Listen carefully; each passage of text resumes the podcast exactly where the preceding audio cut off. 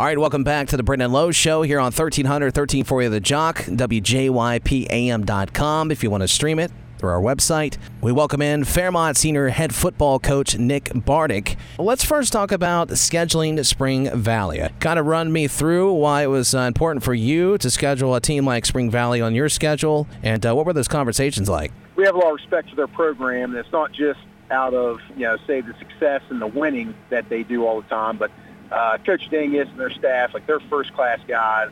Uh, everything they do in the program, you know, they do like the right way. Uh, there's gentlemen's rules that we all talk about, like un- the unwritten rules uh, to football, things like in pregame and postgame. Like they do all that stuff correctly. You know, they they honor competition, and uh, and so it taking that into account, it really puts in perspective how special uh, this win is. Yeah, and uh, you know, you you guys have played a tough schedule anyway. I mean, you guys don't shy away from that. You you've been traveling. Speaking of that, you just went down to uh, down to Winfield, so you're in this area, uh, picked up a victory there. So the traveling aspect of it is something that every coach is getting putting through. Uh, kind of take me through that though. You know, we'll get into the big win in Spring Valley, but what's it been like for you? Uh, battling through uh, the pandemic and getting your players ready for games, conditioning, all that stuff with all this, uh, you know, color code map. Uh, how has it been for you and your players? Well, it's just the opposite of everything that you learn and are taught to do. You know, you want to be prepared, you want to plan, you want to uh, make sure that you are staying the course uh, and hitting objectives. And what this does is throws everything out the window and you have to completely uh, be open to just anything can change at any point in time, and you know it rewards. You know, you feel like you feel like it, it rewards maybe dysfunction in a way, and uh, you have to completely you have to completely uh, kind of change modes that uh, you know you might be having the game tomorrow, and that get, then it's out the window. You're not going to play that team at all. It doesn't get rescheduled, and so if high school kids uh, I'm thinking even with anyone, but especially you know we have teenagers. You're trying to keep these guys focused uh, week to week and you know day to day. You talked so much about possibly the 12th Street mystique going away with a couple losses. The, you know, you, you lost to Bluefield last year at home in the uh, in the playoffs. Talk about after this victory over Spring Valley, getting that 12th Street mystique back. Yeah, the 12th Street mystique. Yeah, that's our uh, that's our mantra and, you know, we had a 26 game win streak snap last year. And just ironically, it ended up being also a 26 home game win streak that, you know, it, it went back a season even before uh, our overall win streak. So it's been a few years since we've lost a home game. Uh, you know, you can you can say all the things you want about uh, home field advantage. You know, if your team isn't uh, good and you don't play, you know, quality, uh, it's going to that's going to impact on your success at home. Uh, but our guys, you know, uh, learned a lot, I think, from our two previous losses. Uh, we were an inexperienced team coming back. We had a handful of talent, obviously, but we, we had you know, a lot of experience, and we're pretty young overall. Uh, we had two linemen out for those you know, first uh, couple games of the season. And uh, this past Friday was the first time we had our actual offensive line uh, and defensive line in a game yet. So that, that helps with our continuity. Uh, we were without our, uh, to this point, our best receiver, uh, Casey Neely, was out Friday. So really great job of our guys uh, accepting the challenge and embracing, uh, you know, you know what we were putting out on them all week uh, about defending your home turf and you know, getting a win like that. A huge upset you know, we were 21 point underdog uh, according to Coalfields, and uh, in terms of regular season wins, it's probably the biggest in our program, and uh, helps that that helps uh, you know restore that mystique to 12th Street. Yeah, I got to get on my guy over at Troy over at Coalfield for putting a 20 point uh, underdog. I thought that was fair though. I mean, I, we were a 20 point underdog, but after losing the other two games, I really that was a that was a fair uh, spot, really. Uh, yeah. We felt. um, all right. Well, uh, let's talk about preparing for a team like Spring Valley, because I mean. You know, you can get into that type of uh, mindset, especially you talk about your team being young, where it's like, okay, uh, you know, and everybody wants to win, and everybody has that type of mentality. But when you start looking at Spring Valley on film, um, what were some of the things that you saw going into that that maybe you thought you could have an advantage, or that could give you a bigger advantage of winning this game? The uh, clear disadvantage is size uh, right off the bat. That jumps out at you. Um, and they are an experienced team. You know, they're uh, senior led. I mean, that's the thing. They do. They have all the things. I mean, that's why they're a successful program. Uh, they have all the things that you know are tough to beat, and uh, why they have you know such a you know prolonged uh, prolonged you know winning streak in terms of different things that they've done and the various things. And Indy and beating Martinsburg, you know, they play quality teams. They have all that. Uh, but where we felt we had I just any kind of advantage, just schematically on defense, um, we do a good job against wing T teams. You know, even though they are the best, you know, you know, version that you're going to get from anybody of what they do. Uh, it's a power game, but our guys uh, just schematically lined up well and have a lot of experience with that. Uh, we do some things uh, where we change our fronts, just try to slow them down and uh, and maybe get them off balance. I think we are able to do that. And then, of course, you know, getting a lead helped uh, with the whole thing. It helps you on defense too, when offense and defense can complement each other.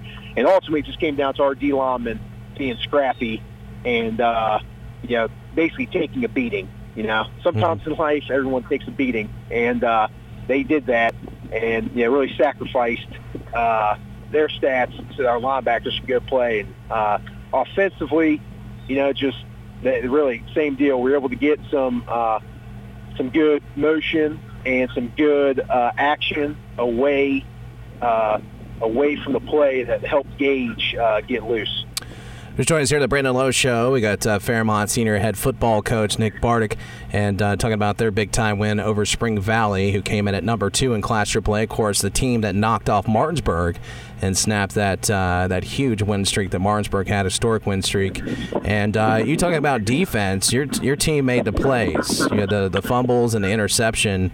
Uh, you also uh, played a pretty clean game yourself. I would imagine those are some of the things that would jump off to you as a coach as far as winning a football game uh, against a team like the Timberwolves. Yeah, anytime you can have go without turnover, I mean that's, that's going to be big, and that's what hurt us in, the, in our two losses and you know, big games. Uh, we turned it over, and we had uh, zero turnovers on Friday. And that's huge. And not only just offense, defense, we played sound. You know, we didn't give up a big play, uh, really, other than the first uh, touchdown pass, and uh, you know, we stayed the course. Special teams uh, also ended up being a big advantage. Know, they had a had a bad snap and didn't get the extra point, or the first extra point, and then were chasing, and ended up that changed the whole complexity of how they have to call the game.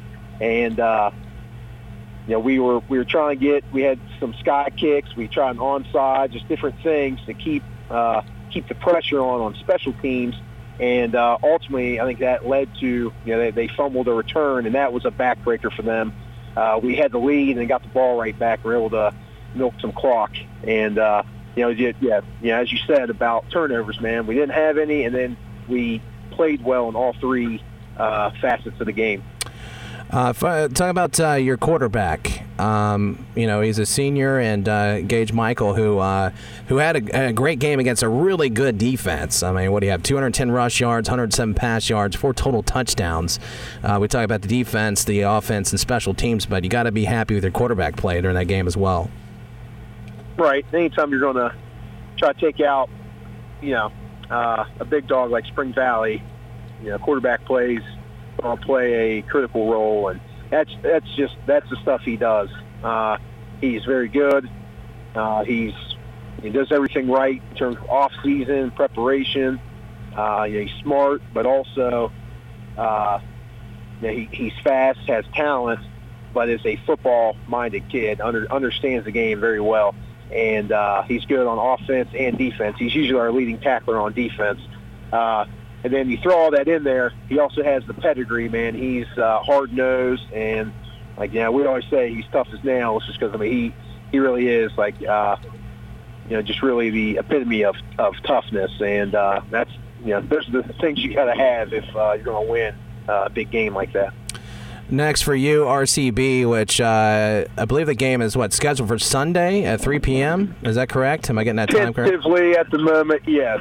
Yeah, that's uh, obviously we're in uh, strange times to put it lightly, but uh, kind of talk about a Sunday game and then your next opponent in RCB as far as uh, what you've seen out of them if you've had a chance. Well, it's not. You know, that's the thing. We might play Sunday, but the game could end up being Monday uh, or we don't play them at all. We just don't have a game this week. I guess how it's going to shake out. Uh, but at the moment, you know, uh, you know that's going to be different. That's going to be a first to play on a Sunday or Monday. That that in itself presents a different kind of challenge this week. But you know, they have to deal with it too.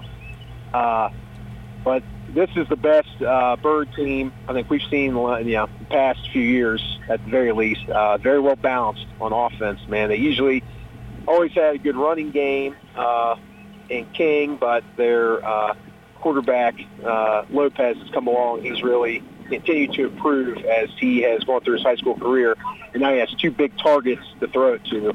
Uh, they're very athletic on the outside, so it's hard to it's going to be hard to stay balanced against them uh, on defense. I think that's going to be the biggest thing uh, with their uh, run pass scheme.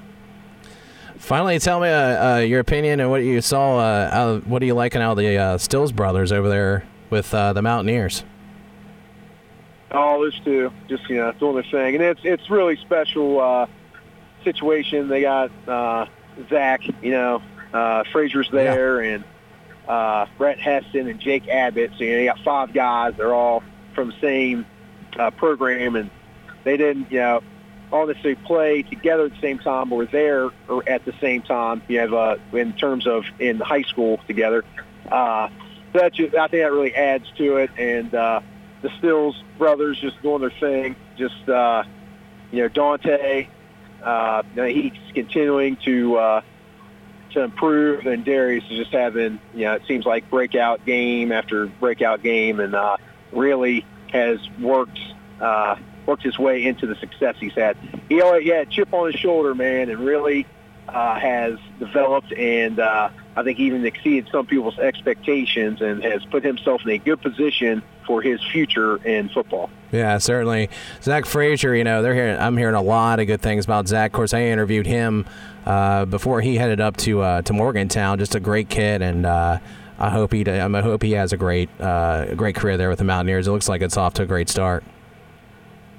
Oh yeah, definitely. I mean, he's he's graded out uh, some of the tops in the country uh, at least two different weeks. So it's good. Uh, just he's getting that experience early, and uh, you kind of get to see the level he's at as a freshman. He's already in there competing. Uh, yeah, one for starting jobs and is performing against uh, you know the best from the Big 12. Yeah. Uh, Coach, appreciate your time uh, on the show. Uh, good luck the rest of the way, especially there with uh, RCB. Hopefully, get to play that game. But man, uh, congratulations on that big win over Spring Valley, and uh, we'll talk soon. All right, thank you. Appreciate it.